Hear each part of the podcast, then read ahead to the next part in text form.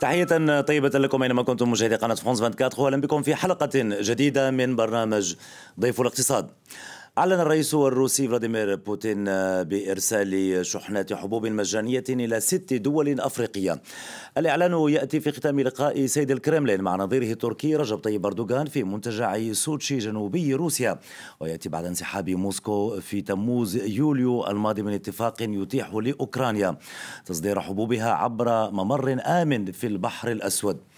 دبلوماسية الحبوب بين أنقرة وموسكو. موضوع حلقة اليوم من ضيف الاقتصاد ويسعدني أن أستضيف فيها من إسطنبول عبر الأقمار الاصطناعية الأستاذ حسن الشاغل الباحث الاقتصادي في مركز الأناضول لدراسات الشرق الأدنى. أهلا ومرحبا بك سيدي. أهلا وسهلا بكم. في آه، ختام آه، لقاء آه، الزعيمين الروسي والتركي لم يعلن الرئيسين عن إحراز أي تقدم ملموس بشأن صادرات الحبوب الأوكرانية. في حين اكتفى بوتين بالقول مرة أخرى إنه مستعد للنظر في إمكان إحياء هذا الاتفاق. برأيك أستاذ ما هي الأسباب التي دفعت بوتين إلى عدم الموافقة على إحياء هذا الاتفاق من جديد؟ في البداية شكرا على الاستضافة ويوم سعيد لكم ولكافة السادة المشاهدين. آه، طبعا بوتين يرغب في استخدام ورقة آه، اللعب على ملف الغذاء العالمي كما لعب على ملف الطاقة. هو يعلم جيدا أن العالم بحاجة الآن للمواد الغذائية التي تصدر أو تنتج إن كانت في روسيا أو أوكرانيا. فهو يلعب على هذه الورقة من أجل أن يحصل على مزيد من التنازلات على العقوبات الدولية المفروض عليه. الآن روسيا غير قادرة على تصدير العديد أو حتى الاستيراد العديد من السلع من الأسواق الدولية. فهو يرغب في أن يكون هناك انفراج أكبر في العقوبات المفروض عليه على سبيل المثال أن يكون الشرك أن تعود الشركات الروسية استخدام نظام سويفت العالمي من أجل القيام بعمليات التبادل التجاري مع دول العالم. هذه نقطة مهمة يريد بوتين أن يحقق انفراج بها من أجل أن يكون آه، آه، آه، انفراج على المستوى الاقتصاد الروسي.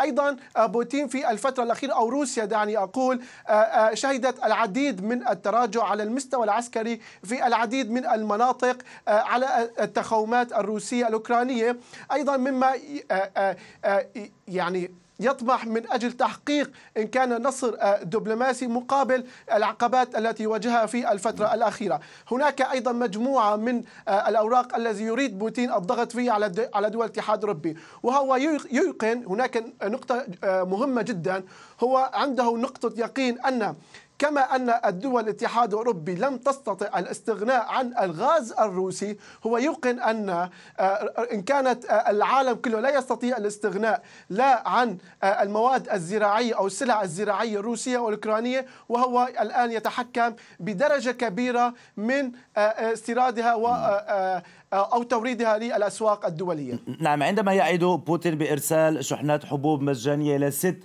دول افريقيه ونعلم جيدا ما يحدث من انقلابات عسكرية في هذه الدول الأفريقية وتوغل أيضا سواء مجموعة فاغنر أو حتى الحكومة الروسية داخل هذه الدول على حساب القوى الاستعمارية السابقة وخاصة فرنسا هل يلعب بهذه الورقة ورقة الضغط على الدول الغربية من أجل التقرب من جديد عسكريا واقتصاديا لدى هذه الدول الأفريقية؟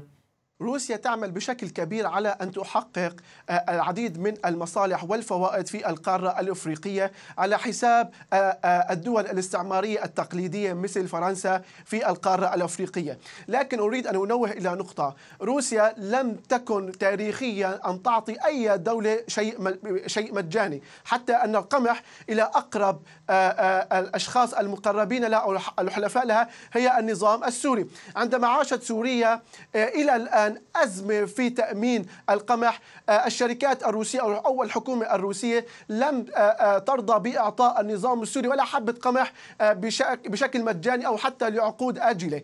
لكن الآن عندما أتت قطر ودفعت ثمن المليون طن للدول الأفريقية عملت الحكومة الروسية على تصدير القمح إلى الدول الأفريقية وبذلك هي حققت مجموعة من المصالح. أولا صدرت إلى دول تريد روسيا منها أن تكون حلفاء في القارة الأفريقية ومن ثم استطاعت أن تبيع هذه الكميات من القمح إلى الدول الأفريقية مقابل مادي آه، دفعت آه، ثمنه آه، قطر.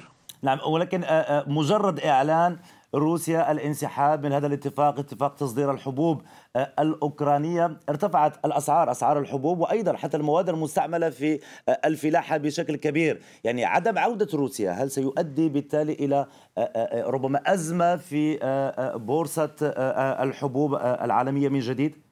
طبعا أكيد لأن ذلك سيخلق فجوة بين العرض والطلب العالمي على سوق الحبوب. عندما نشهد توقف تصدير السلع الأوكرانية والروسية إلى الأسواق الدولية سيكون هناك انخفاض شديد لأن هاتين الدولتين يمثلان اولى الدولة الدولة الأولى العالمية في الإنتاج والتصدير وروسيا أو عفوا أوكرانيا هي الثالثة أو الرابعة في الإنتاج والتصدير إلى السوق العالمية. انخفاض العرض سيؤدي إلى زيادة إلى ارتفاع الطلب سيكون هناك فجوة وعدم عدم توازن في العرض والطلب.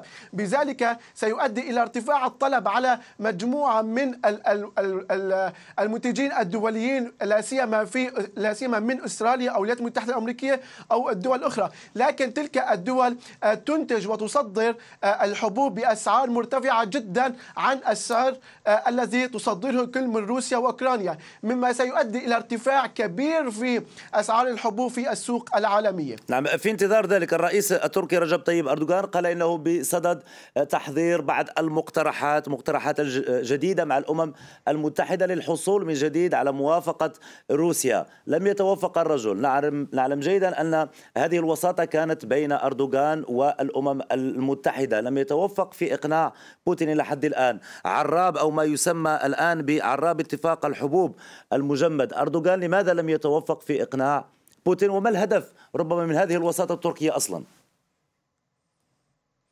في البداية العلاقات الروسية التركية هي علاقات آه، دعني أقول هي شخصية أكثر ما هي مؤسسية. على سبيل المثال العلاقات بين تركيا ودول الاتحاد الأوروبي هي علاقات مؤسسية. بينما العلاقات بين روسيا وتركيا هي علاقات شخصية بين آه، الرئيسين. الرئيس أردوغان على الأغلب لم يأتي بجديد للرئيس بوتين من تنازلات من الدول الغربية لإقناعه بأن يكون هناك تجديد للاتفاق. بمعنى أن الدول الحليفة لتركيا كانت وهي دول الغربية الدول الناتو لم تعطي المزيد من التنازلات أو تنازلات يمكن يمكن أن ترضي روسيا من أجل تجديد هذا الاتفاق. بمعنى لا يوجد أي خرق للعقوبات المفروضة على روسيا لحتى الآن. وهنا وهنا نخص نظام سويفت. لم تأتي هذه الدول على عودة روسيا لهذا النظام. لذلك لم آه، آه، آه، يستطع الرئيس أردوغان إقناع بوتين. أيضا أيضا بالإضافة إلى ذلك هناك بعض المشاحنات في الفترة الأخيرة بين الروس والأتراك لا سيما في سوريا وفي بعض الملفات العالقة. لذلك لم يستطع الرئيس أردوغان إقناع بوتين لحد هذه اللحظة. فهو يسعى الآن إلى التواصل مع دول الاتحاد الأوروبي والولايات المتحدة الأمريكية والدول المعنية بالأمر من أجل أجل تقديم بعض التنازلات للرئيس بوتين على مستوى العقوبات آه، الدولية لأن الاقتصاد الروسي حقيقة أصبح في في الفترة الأخيرة يعاني آه، بشكل كبير لأنه لم يستطع آه، لم لم يستطع الوصول إلى خروقات كبيرة يستطيع من خلالها من تسيير حركة الاستيراد والتصدير مع دول العالم. لكن بطبيعة الحال إلى الآن تمثل تركيا دولة مهمة بالنسبة لروسيا بحيث أنها تكون منفذ للالتفاف على العقوبات. إلى الآن تستخدم آه، روسيا تركيا من أجل الالتفاف على العقوبات. تستثمر في آه، آه، البنوك التركية أيضا. تستثمر في الأسواق التركية من أجل تعويض العقوبات التي فرضت من الدول الغربية. أيضا هناك نقطة مهمة جدا. روسيا تسعى من آه، لأجل أن تكون تركيا هي نقطة عبور مهمة للغاز آه، آه، الروسي إلى دول الاتحاد الأوروبي وبذلك بهذه النقطة تحاول كل من روسيا ودول الاتحاد الأوروبي أن تكون تركيا هي نقطة التقاء وجهات النظر الطرفين فيما يخص تصدير الغاز دول الاتحاد. الأوروبي لا تريد أن تكون مجمل الكميات المستوردة من من روسيا أن تكون تحت وصاية روسية بشكل كامل. وأيضا روسيا تريد أن تبقى تصدر إلى دول الاتحاد الأوروبي لأن ذلك يأتي إلى خزينتها بأموال طائلة.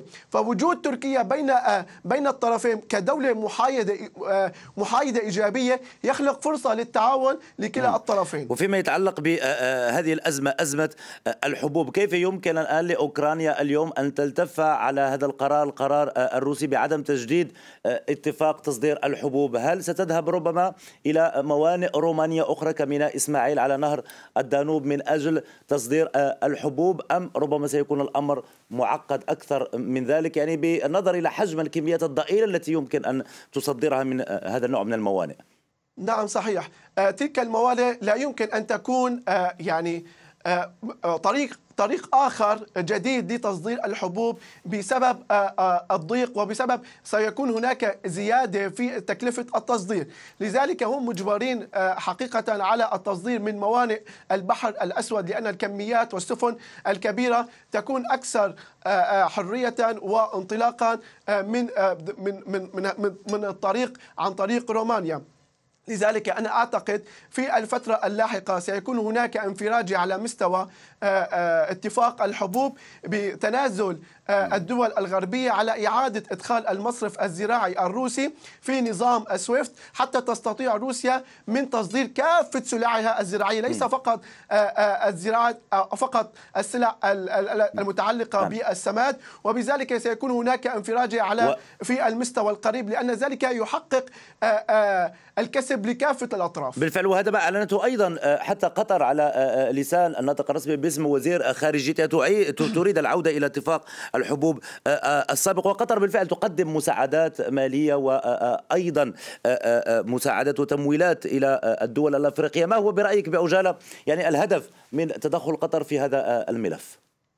قطر من أكثر الدول آه، في المنطقة دعني أقول إلى جانب الإمارات التي تستثمر في آه، القوة الناعمة أو الدبلوماسية الناعمة. هذه الطريقة هي آه، تعمل على هي هي هي مجرد وساطة تقوم بها قطر. قطر قامت في عشرات بدبلوماسية الوساطة مع العديد من الدول إن كانت الأفريقية أو الدول العالمية. فهي دور تقوم به قطر على المستوى نعم. أو على المستوى الإقليمي والدولي. يعني هو يعني إضافة جديدة للدبلوماسية والقوة الناعمة القطرية للدخول أكثر في الملفات الدولية العالقة. من إسطنبول حسن الشاغل الباحث الاقتصادي في مركز الأناضول لدراسة الشرق الأوسط أو الشرق الأدنى. شكرا جزيلا لك. وشكرا لكم أنتم مشاهدي قناة فرانس 24 على متابعة هذه الحلقة من ضيف الاقتصاد أخبارنا وبرامجنا متواصلة إلى اللقاء.